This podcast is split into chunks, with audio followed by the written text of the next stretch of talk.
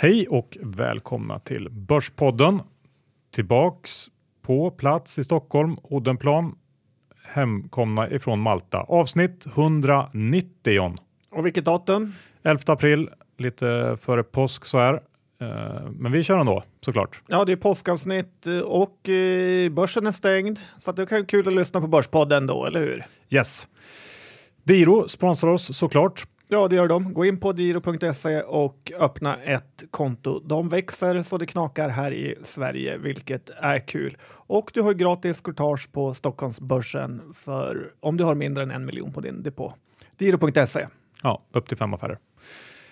Sen har vi ju som vi har sagt tidigare Lendify tillbaks som sponsorer. Ja, och eh, det är väldigt kul. Vi har eget konto där Johan och jag har sett att eh, vår avkastning är 9% på rullande 12 månader, vilket är ju väldigt bra. Dessutom är det helt okorrelerat från börsen, eh, vilket jag också tycker är mycket bra när vi har oroliga tider. Ja, och vi träffade ju Lendify här i veckan och det går ruggigt bra. Mars var en rekordmånad och eh, nu så vill de premiera eh, sina investerare genom att eh, bjuda på en bonus.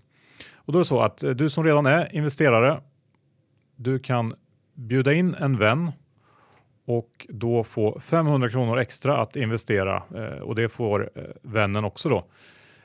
Och du hittar den här inbjudningslänken om du går in på ditt konto på Lendify och tittar under mina sidor så kan du läsa lite mer om vad som gäller där. Men alltså bjud in en vän och ni får bägge två 500 kronor extra att investera och du måste då investera minst 5000 för att kunna göra det här.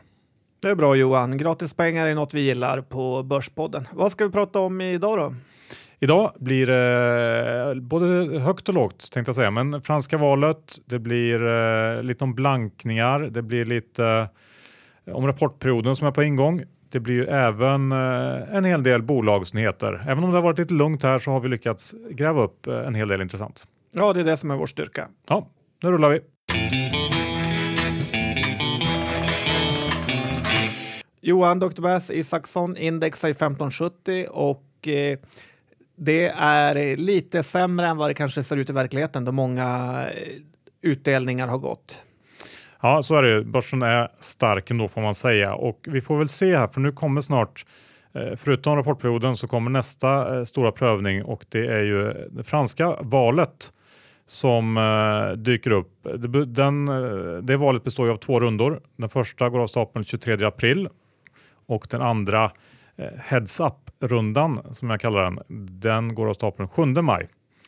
Och eh, basscenariot som jag tror marknaden utgår ifrån det är ju att Emmanuel Macron möter Le Pen i den avgörande rundan och att Macron tar hem eh, spelet helt enkelt. Men det är ändå inte helt omöjligt att Le Pen går och skräller. Vi har ju sett det tidigare och eh, ja, de här eh, eh undersökningarna inför val verkar ju inte vara helt pålitliga längre. Så att eh, om det nu blir så att Le Pen tar hem valet så har jag kollat runt lite grann på vad eh, bedömare tror att det kommer ge för, för eh, reaktioner på finansmarknaderna runt om i världen och eh, de flesta räknar med en initial ganska rejäl negativ reaktion och att egentligen fortsättningen beror mycket på dels hur, hur hur mycket fokus det blir på, på Frexit och hur hårt Le Pen eh, eventuellt ska trycka på det och såklart också hur ECB kommer att reagera i, i, ett, i en sån här situation.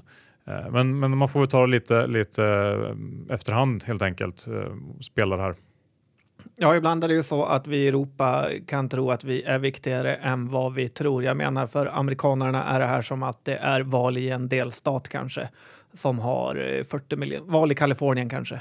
Så, och Asien vet, eh, kanske inte heller tar det här så allvarligt. Vem vet? Men för oss i Europa vore det inte bra med Le Pen, känns det som. Nej, nej men det stora, den stora liksom, oron är väl en, eh, att det blir väldigt mycket snack om eh, en Brexit och att det börjar få ja, hela det här, att man ska ifrågasätta hela euron igen och, och alla följdeffekter som det får. Eh, och tittar man sen generellt på Frankrike så har ju återhämtningen där sen finanskrisen varit väldigt, väldigt seg. Och eh, det skulle ju verkligen behöva stora strukturreformer.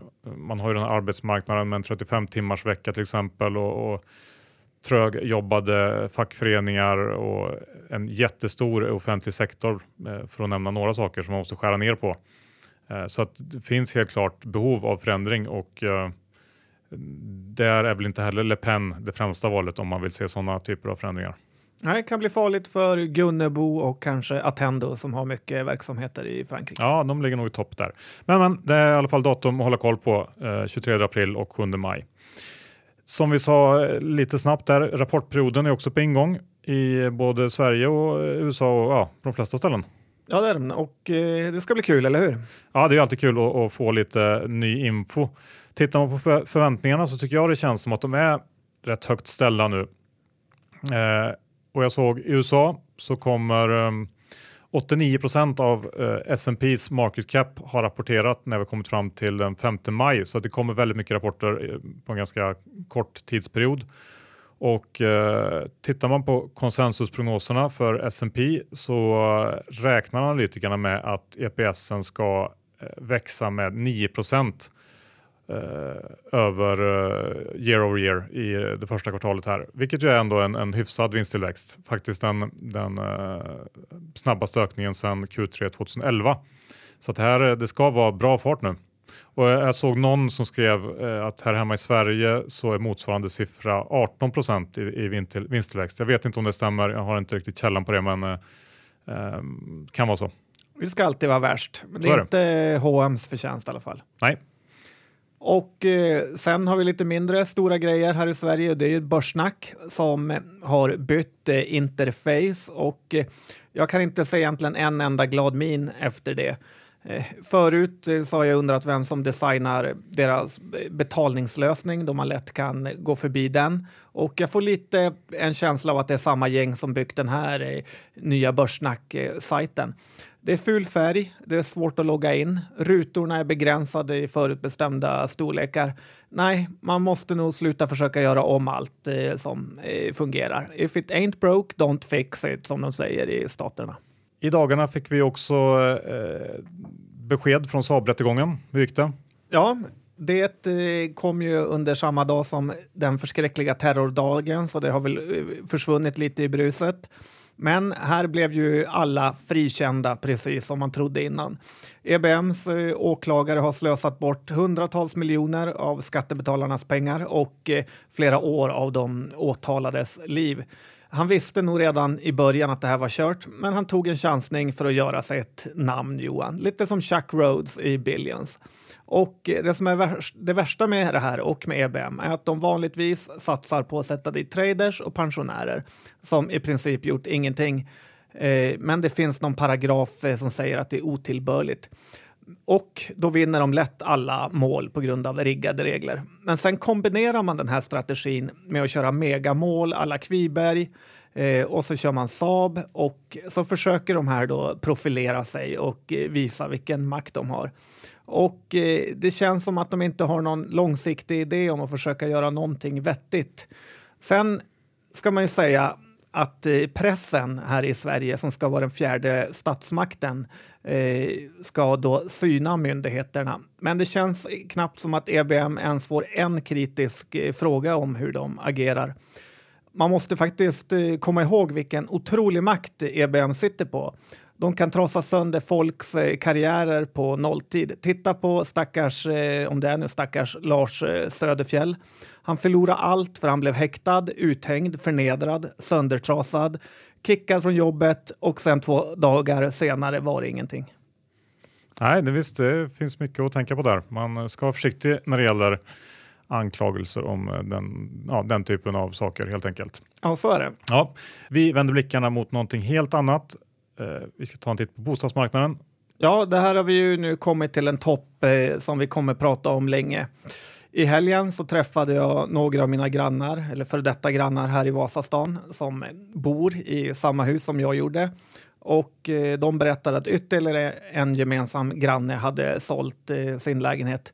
Och vi var tre grannpar kan man säga som alla bodde i ungefär exakt likadana lägenheter fast på olika våningar på ungefär 100 kvadrat. Och jag sålde min lägenhet förra året för 7,8 miljoner och nu hade de sålt sin som var då likadan. Kan du gissa priset Johan? Ja, men de, de kanske fick eh, en miljon mer då, än vad du fick. Ja, det hade ju bara gjort eh, lite ont, men de fick 10,3 miljoner. Alltså 2,5 mer miljoner än vad jag fick. Och eh, när de sa det så var jag så nära att falla ihop eh, i en hög Johan och börja grina. Ja, jag förstår det. Det är jobbigt sånt där. Ja, men istället fick jag långsamt eh, klämma fram. Vad roligt. Men vad är det som får dig att tro att det här, du har ju kollat toppen på bostadsmarknaden ganska länge nu. Det börjar ju bli nästan så att det är svårt att tro på det. Ja, det förstår jag, men nu har det fullständigt gått out of hand som man brukar säga. Jag eh, kollar det igen. Okay. Ja, jag säljer mer om man skulle använda börssnack. Ja, det här blir sista chansen för dig. Vi får se. Vi får upp helt enkelt. Jag tänkte gå in på eh, det här med blankning och blankare. Eh, för det är ju många som av någon konstig anledning har fått för sig att blankare är onda och inte eh, liksom bra människor helt enkelt, att man gör någonting dåligt när man blankar. Och därför har jag en nyhet här som kom igår tror jag det var, som kanske kan glädja den här gruppen. Eh, för igår kom det en riktig blankardödare i USA när AT&T la bud på ett litet bolag som heter Straight Path.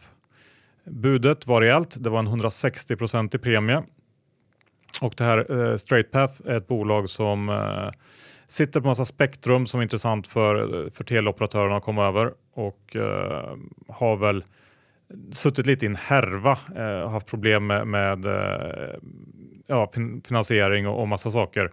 Vilket då gjorde att hela 49 procent av free floaten, eller 29 procent av totalt antal aktier, var blankade i det här bolaget inför budet. Och jag kan ju bara tänka mig eh, den smärta som man måste ha känt om man var kort i bolaget och vaknar upp på morgonen och ser att AT&T har lagt ett helt sinnessjukt bud. 160% upp. Ja, då är det bara att gå till toan och spy. ja, lite så. Och på tal om, om saker som är sinnessjuka så har ju Tesla eh, ballat ur fullständigt i USA. Ja, deras kurs är ju på all time high nivåer. Precis. Eh, aktien upp, eh, jag tror ungefär 50% bara i år och eh, man har ju passerat GM som eh, det högst värderade eh, biltillverkaren i USA. Och jag såg att igår så höjde Piper Jaffray sin riktkurs med 65 procent. Eh, det var väl det som fick aktien att ta ett litet glädjeskutt med 3 procent till där igår.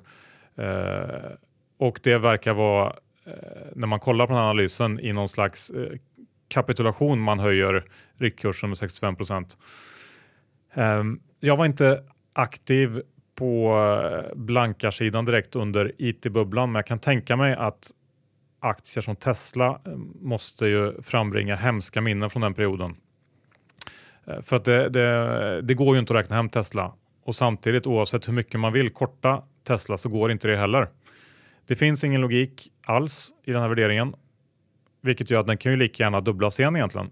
Och eh, Detsamma gäller såklart om man funderar på att köpa den här aktien. Det går ju inte heller för att den, den, den är ju egentligen kanske värd, ja jag vet inte vad, men inte i närheten av de här eh, pengarna som den handlas på nu.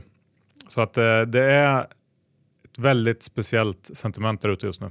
Ja, jag har två takes som jag tänker på det här. Det ena är ju att Tesla är en av de mest eh, ägda utländska aktierna på Avanza eh, som de redovisar, vilket är kul att många svenskar har tjänat en hacka på det.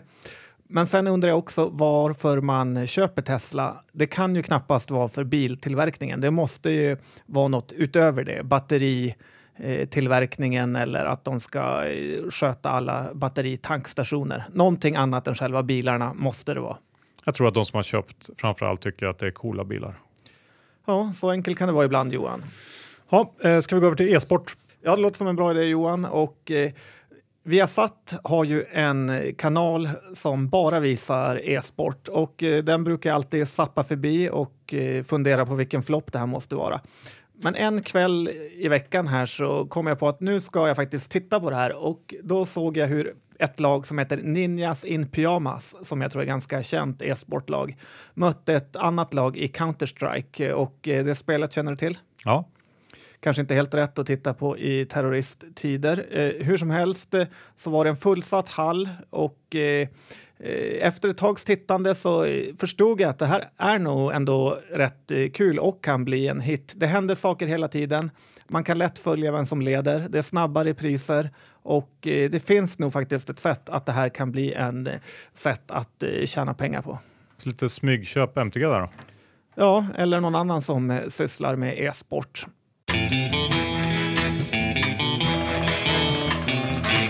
John, vi närmar oss ju rapportperiod och då är det ju ganska vanligt att det dyker upp vinstvarningar. Vi fick en omvänd sådan här i veckan i och med Cellavision.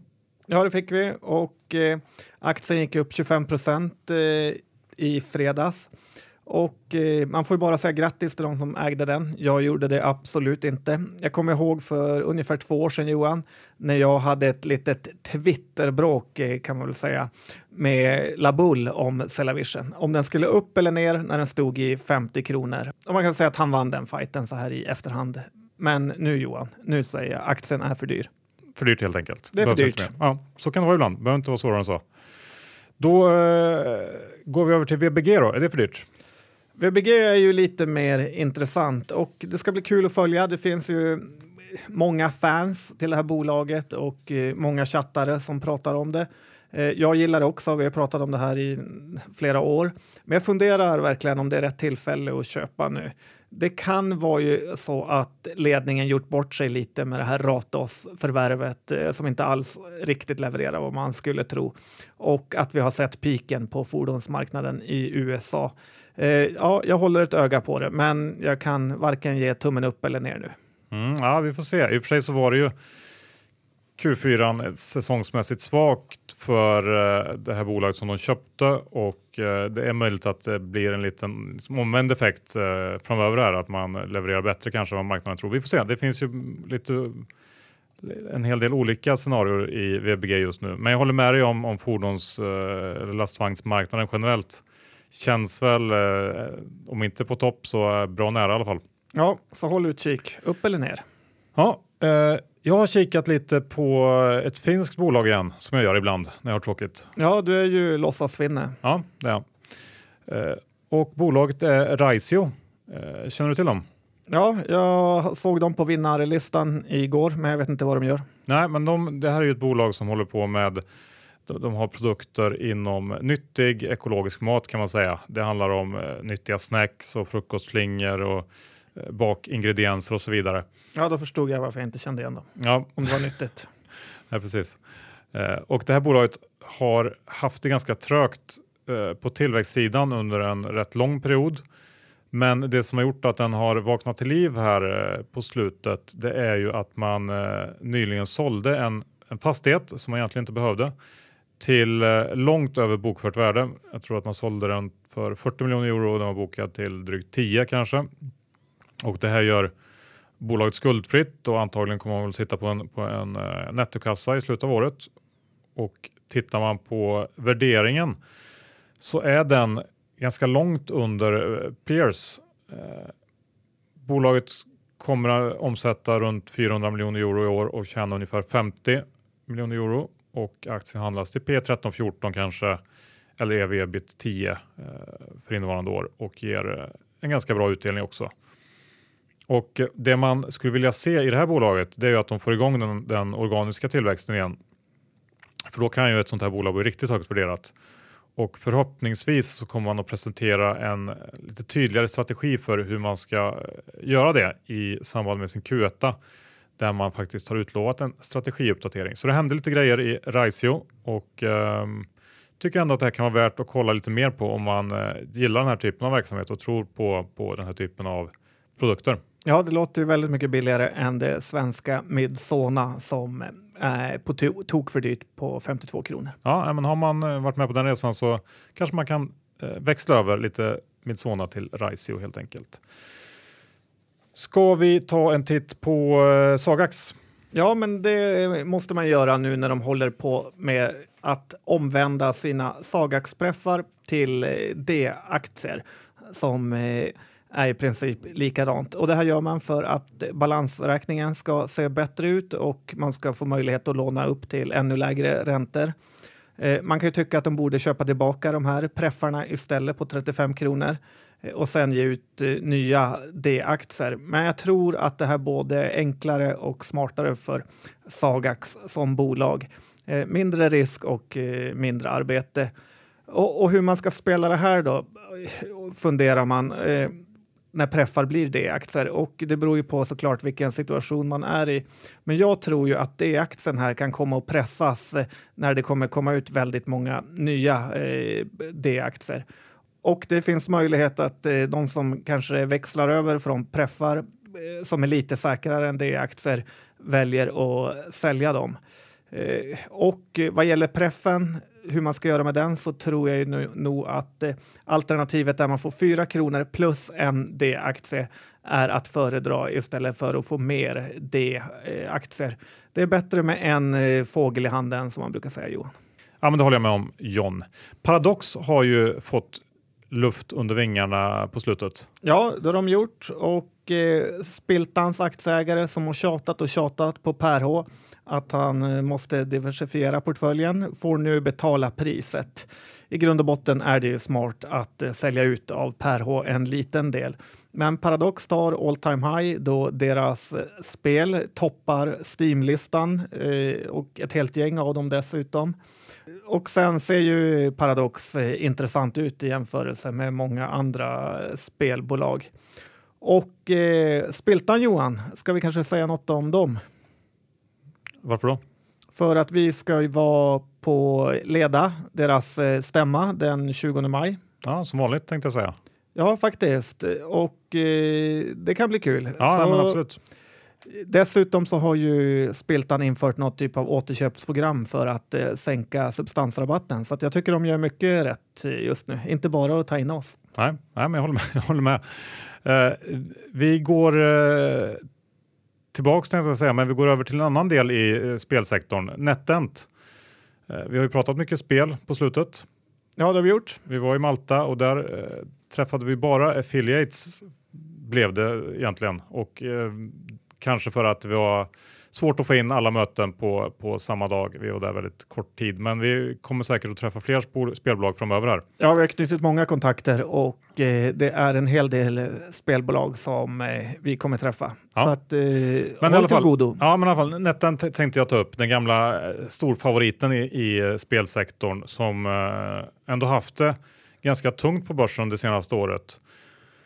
Och eh, i samband med Q4 så guidar man eh, för att man inte kommer att leverera någon tillväxt sekventiellt, kvartal över kvartal alltså, eh, i Q1.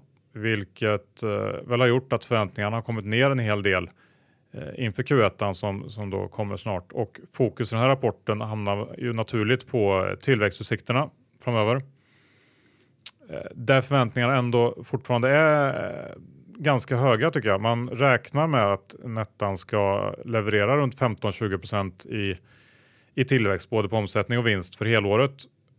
Vilket ju verkligen måste till för att motivera eh, ett P-tal på 30 som den här aktien ändå eh, fortfarande handlas på. Och det här är väl lite problemet i den här typen av bolag som har växt väldigt, väldigt kraftigt under en lång period eh, och då får det väldigt höga vinstmultiplar som man värderas till om man inte lyckas, eller om man går in i, en, i, en, i ett skede där man växlar ner tillväxten lite grann och börjar växa eh, långsammare helt enkelt, då, då blir ju nedsidan ganska stor. Eh, för då kan man inte längre handlas i, handlas i P30-40 som Nettan har gjort. Eh, och det, jag tror att det finns ändå en risk för att aktien ska ner mer nu eh, om de här förväntningarna inte infrias. Det är ganska baktunga prognoser, vilket gör ändå att, att ja, det finns en, en, en hyfsad risk där. Och uh, det är lite av ett farligt läge i Nettan. Ja, det är Nettan är alltid farlig. Men, men å andra sidan, det är ju ett riktigt grymt bolag så att uh, ja, jag hoppas att, att uh, de levererar ändå. Ska vi säga någonting om uh, iFox John? Ja, det tycker jag. Det är ju först och främst tråkigt att eh, folk eh, förlorar pengar, men man måste verkligen hålla koll på vad man investerar i. Ja, för i veckan kom ju beskedet att eh, iFox kommer att avlistas ifrån aktietorget den 12 juni. Och i samband med det här så öppnar man, ju handeln igen då så att eh, de som äger aktien ska kunna sälja om man inte vill vara med på det. Eh, efter det handelsstoppet som har varit i några månader i alla fall. Och direkt aktien öppna så var den ju ner 50-60 procent. Jag tror den stängdes runt 60 procent ner för dagen. Och ja, det tar emot att säga, men det är ju precis det här vi har varnat för kan man säga. Ja, så är det. Och jag har ringt företagsledningen innan det här och frågat om de vill delta i podden, men det har de tackat nej till. Ja, så kan det vara.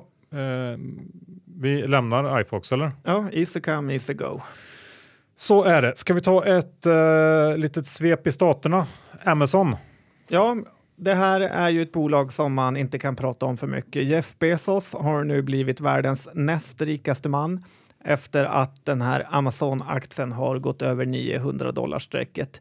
Bolaget eh, har ju växt i sin försäljning mm, ungefär med 25 procent mellan 2015 och 2016 och det är ju väldigt bra när de redan är på väldigt eh, höga nivåer av försäljning.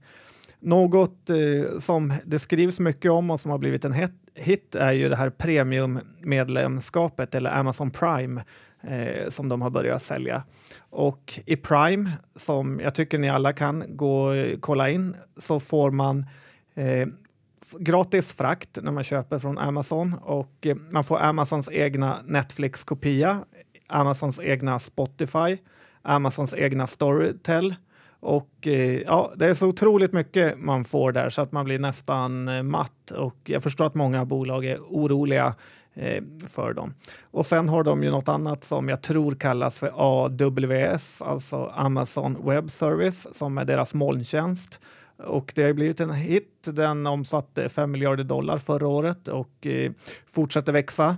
Eh, och man blir lite ledsen när man aldrig på riktigt fattat hur smart den här Jeff Bezos är och eh, hur bra Amazon är som eh, bolag.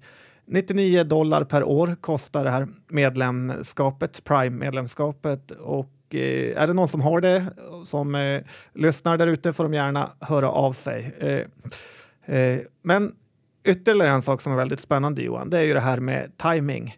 Köpte man Amazon 1999 när HSN eh, var som värst så har man faktiskt bara gjort 10 gånger pengarna på 17 år och då handlades den i 90 dollar som högst. Om man istället köpte den två år senare i Basen 2001 eh, och då hade ju förmodligen bolaget bara fortsatt utvecklats i bra takt även om aktiekursen hade gått ner. Så kunde man köpa aktier för under 6 dollar och då har man gjort 150 gånger pengarna Johan. Så timing är allt. Ja, så är det. Eh, sen har vi United också när vi är i USA och snackar som ju eh, har satt sig i en riktig härva. Ja, det är ju någon vakt där som du har fullständigt eh, tiltat för och ledningen har nog lite att fundera över idag. Jag har sett att de försvarar vakten till och med. Och eh, det kommer nog bli några hundra millare skadestånd för det där känns det som. Men det som är lite roligt och det sjuka i det hela är ju att Warren Buffett har tryckt in 2,2 miljarder dollar i United och eh, det här är mannen som alltid pratar om hur viktigt det är att eh, företagen ska sköta sig och vara etiska. Eh, jag tror han kanske börjar ångra sitt 10 miljarders bett han har gått in i alla USAs olika flygbolag. Och tror man att det här ska blåsa över Johan så då kan man passa på att köpa UAL som ticken heter och de här flygbolagen handlas ju väldigt, väldigt billigt. Det är P-tal i paritet med bilbolagen på 5 till 8 gånger earnings. Så UAL för United Airlines. Mm. Ortivus A. Ja, här har vi något som eh, får eh, vår Malta-resa och, stå på skam och även en skam för börsen kan jag tycka. Att eh, om börsen vill ha en känsla av att det är ett seriöst eh, ställe så måste man göra något av den här urspårningen som det kan bli i vissa illikvida A-aktier. Det blir någon typ av lekskola och eh, idag kan man se det Adwise A. Visst, det är en fri marknad, men då kan man lika gärna ha att se till att NetEnt sköter orderdjupen. Ja, och du nämnde Advice där. De kom väl med en omvänd vinstvarning idag? Ja, bolagen sammanställer ju sina siffror nu och eh, ibland är det så att det är för stor skillnad mellan markna vad marknaden förväntar sig och vad bolagen tycker de levererar så kommer de ut med siffrorna i förtid. Och eh, som sagt, Adwise gjorde ju det just idag då de säger att ordergången är 127 procent högre än förra året. Aktien är upp eh, över 50 procent eh, på det här så att eh, man kan lugnt påstå att det är kursdrivande info. Eh, det står också i pressmeddelandet att det här beror på ökad eh, orderingång för att man har gjort förvärv också och eh, ja, kanske en liten överreaktion här. Eh, Adwise är ju i övrigt ett spännande bolag med Actasan som vd, mannen bakom Formpipe och eh, Adwise eh, säljer labbutrustning. Tyvärr är balansräkningen väldigt eh, dålig så det får man ta med i beräkningarna. Ja, ska vi, ska vi avsluta med den forna favoriten får man väl säga, Moberg. Ja, Pareto har ju gått ut med en kovändning här och halverar riktkursen. Peter Wolpert, vd för Moberg, fick ju sin fanbase lite reducerad när han själv dumpade ut aktier efter den här offensiva nyemissionen som de pratade om. Och eh, snacket om att man får mobb 0,15 gratis verkar inte riktigt eh, stämma in nu. Vi har, ju tidigt, eh, vi har ju tidigare varnat för de här typerna av eh, svängigheter i just sådana här biotechbolag och eh, det finns en stor svårighet när man inte vågar köpa mer om aktien går åt fel håll och det känner jag att vi har just här. Och eh, sen kan man också undra hur bara 50 procent kan försvinna från en riktkurs utan att något har hänt egentligen. Ja, vi får väl se vad som dyker upp framöver helt enkelt. Och Johan, slutligen ska vi inte säga något om Dustin. Kanske ett av börsens tråkigaste bolag just nu. Det är ju så tråkigt så jag vet inte om jag eh, ens... Men ska jag säga, vi, vi säger någonting då. Det är ändå ganska händelsefattigt nu, men Dustin är ju ett av få bolag som har rapporterat för eh, ja, den senaste veckan. De har brutet räkenskapsår och deras Q2 som kom. Och eh, rapporten var tråkig, eh, mer eller mindre i linje med förväntningarna och eh, man växer på ungefär eh, runt 10% organiskt, lite mer totalt sett och vinsten växer exakt lika mycket. Eh, och Dustin har ju varit väldigt framgångsrika i eh, bland större bolag och, och, även offentlig sektor och eh, man hävdar att många av de ramavtal man har fått in där på slutet, de är baktunga i den meningen att marginalerna är lite sämre i början och Eh, för att sen då öka under avtalsperioden gradvis, eh, vilket i sig borde ge förutsättningar för att eh, förbättra lönsamheten lite längre fram. För att om man ska anmärka på något i den här rapporten så är det väl att den här tillväxten som ändå är helt okej okay, inte gav någon, någon hävstång rent marginalmässigt och det hade ju varit kul att se. Och på P 17-18 som den här aktien handlar sig så är aktien fullvärderad. Tack för det Johan. Avslut 180 avklarat. Vi får önska alla en glad påsk, även vår sponsor Diro. Ja, ha en glad påsk Diro. Gå in, öppna konto, diro.se. Ja, och eh, ni får ju inte glömma den här eh, bonusen som eh, Lendify eh, erbjuder just nu.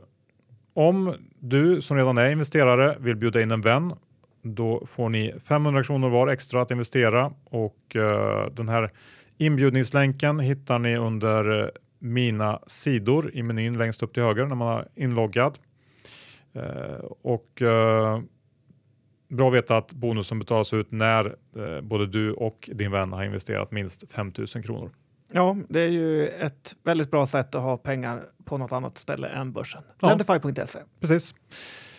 Äger vi några aktier Eh, bland de vi har pratat om John, i dagens avsnitt? Jag har spelat en aktie Johan. Det, är det, en, det var det hela som de säger i Danmark. Härligt och eh, i vanlig ordning så äger inte jag eh, något bolag av dem vi har pratat om idag. Nej, Allt. men då känns det som ett Börspodden avsnitt, precis som vanligt. Ja, tack för att ni lyssnade. Glad påsk. Vi hörs om exakt en vecka igen. Tack och hej!